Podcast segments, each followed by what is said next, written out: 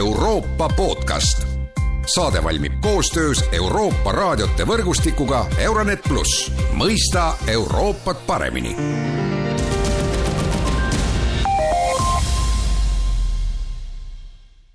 tere hommikust ja tere kuulama tänast Euroopa podcasti. Türgi president Recep Tayyip Erdogan on blokeerinud Soome ja Rootsi ühinemise NATO-ga. Mis võiks olla Türgi keeldumise taga, sellest kõneleme tänases Euroopa podcastis Türgi eksperdi Hille Hansoga, kes praegu on küll Pakistanis, aga tere hommikust, Hille! tere hommikust! ja mina olen Erkki Bahovski. no alustame jah sellest, et, et miks Erdogan seda teeb, et noh, see ametlik põhjus on, peamine põhjus on see, et Türgi ei ole rahul sellega, et väidetavalt siis Soome ja Rootsi varjavad ja toetavad kurdi terroriorganisatsioone, kelle esindajad siis Soomes ja Rootsis elavad.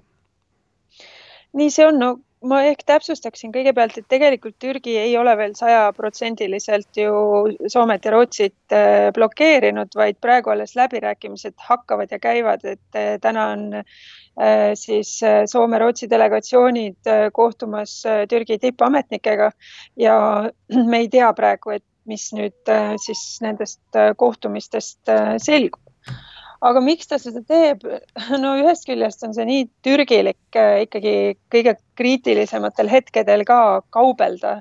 ja, ja muidugi kogu see lament, mis äh, Soome-Rootsiga äh, on kaasnenud, on ikkagi siseauditooriumile suunatud. et me ei tohi ära unustada, et Türgis on järgmine aasta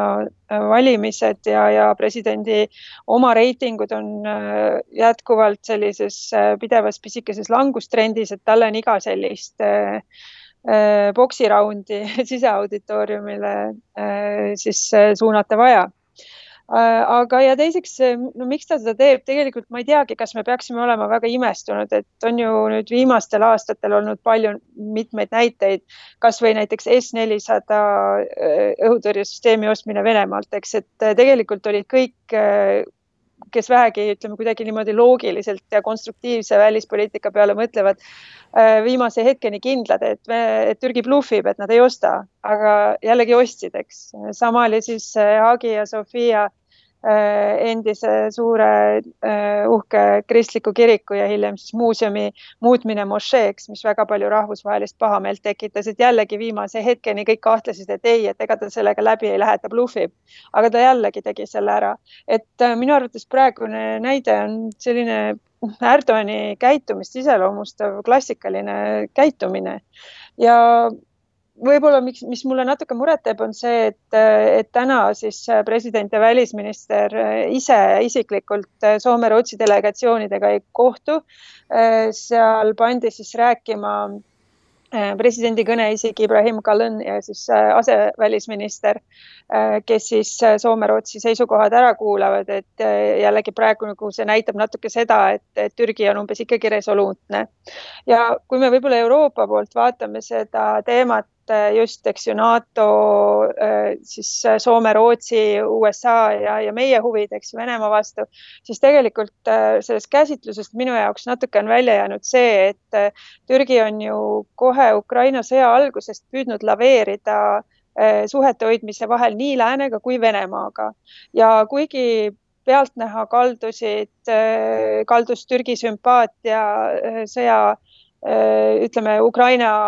võrdlemisi eduka sõja algusega siis lääne poole, siis äh, täna on see ka võimalus Türgil äh, ikkagi näidata äh, teatud ähm,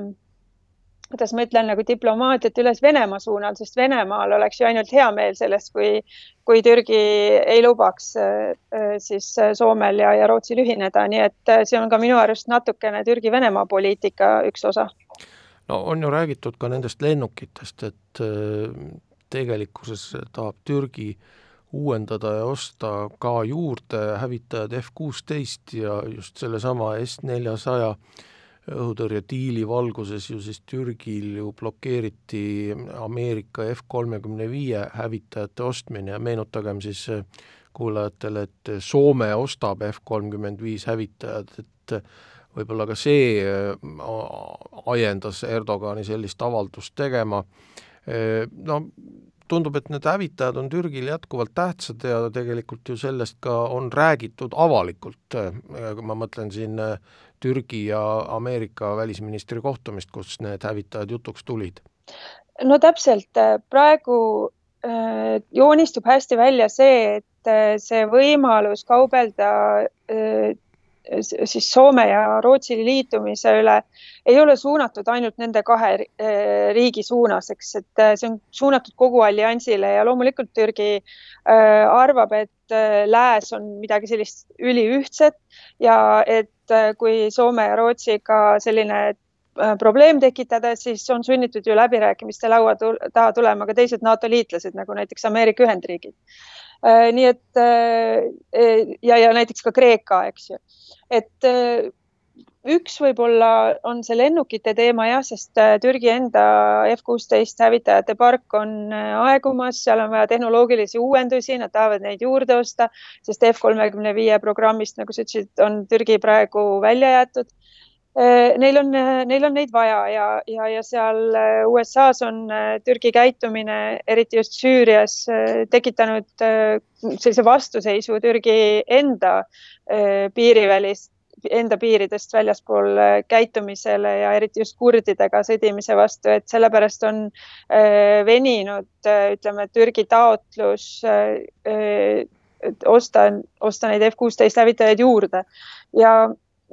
senat ja kongress on olnud äh, küllalt skeptilised äh, Türgi suhtes, äh, näis nüüd, kuidas siis reageeritakse nendele viiele nõudmisele, mis Türgi on välja joonistanud. ja võib-olla üks teema veel, mida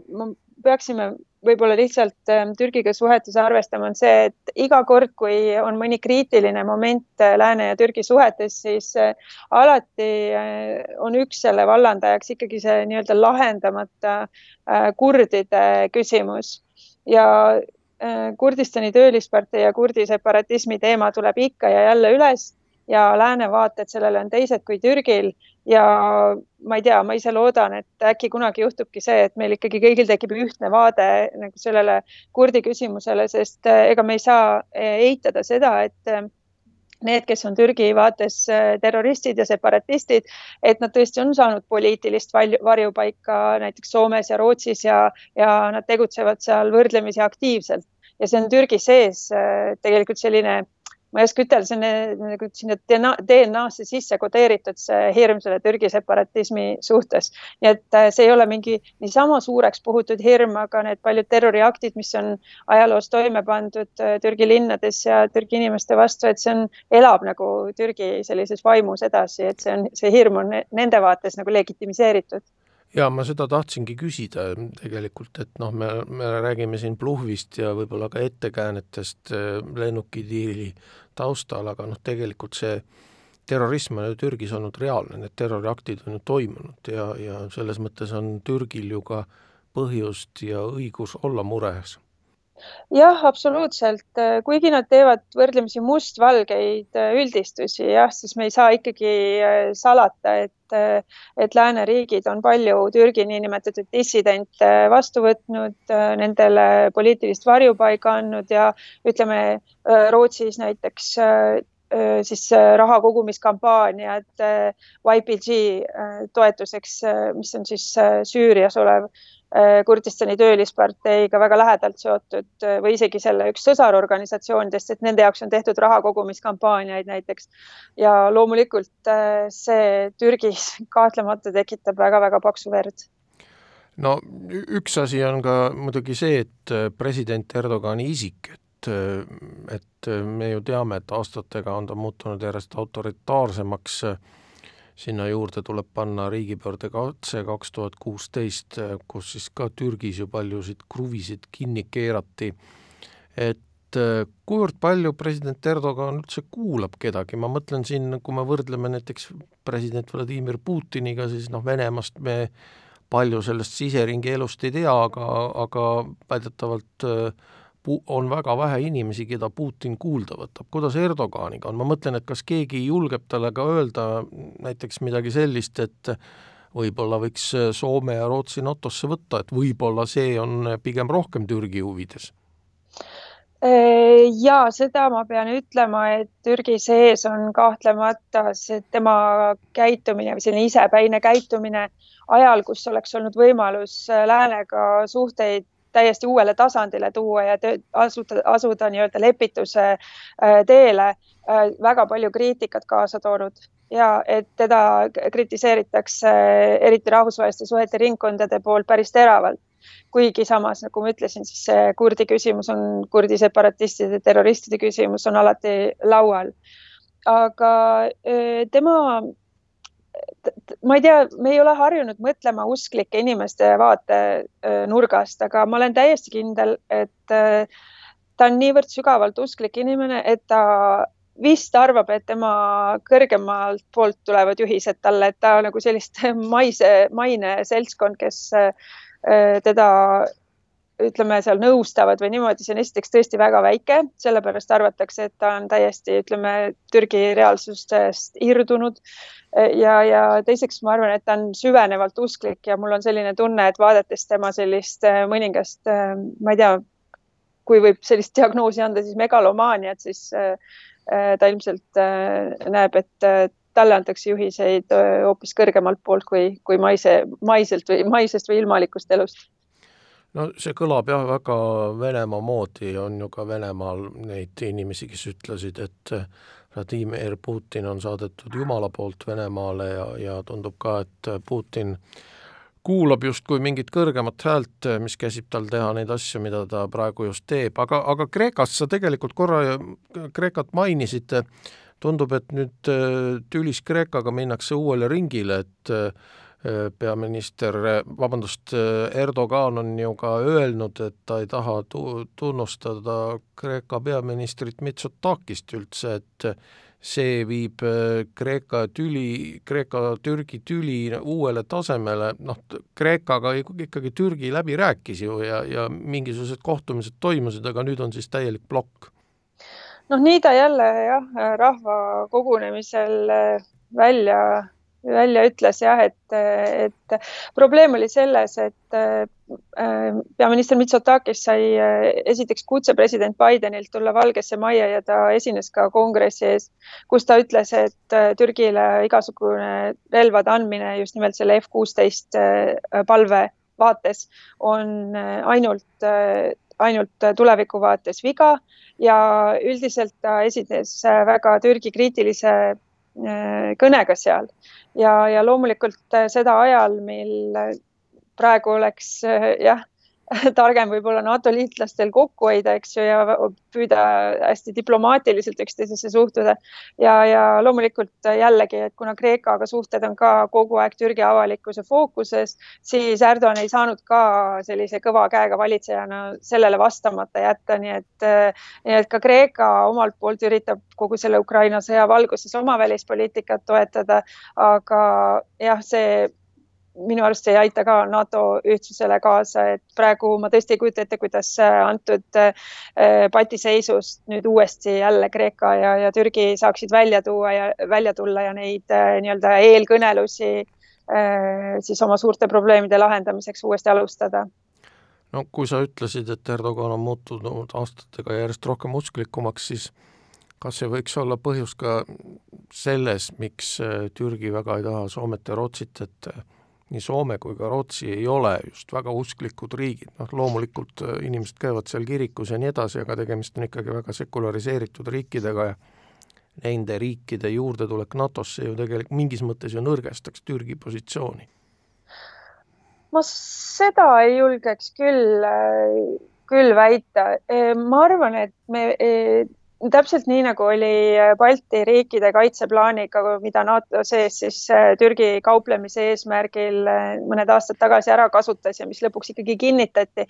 on praegu see selline mm, kauplemine oma huvidest lähtuvalt, et ma ei usu, et me peaksime siin leidma usulisi või siis äh, seostama seda, usulisi põhjuseid või siis seostama seda näiteks sellega, et Soome saab osta F kolmkümmend viis lennukeid. pigem ikka reaalpoliitika just, et puhtalt oma huvide eest võitlemine ja, ja näi, et näidata siis äh, sisepoliitilisel areenil ka, et voh, et siin on teile õige juht ja liider, kes tõeliselt Türgi huvide eest seisab, mitte ei tee kompromisse, sest äh, Türgi sisepoliitika on ka äärmiselt kompromissitu ja välispoliitikas nagu avalduvad täpselt samasugused jooned. Aitäh, Hille Hanso, see oli tänane Euroopa podcast, kõike head ja kuulmiseni!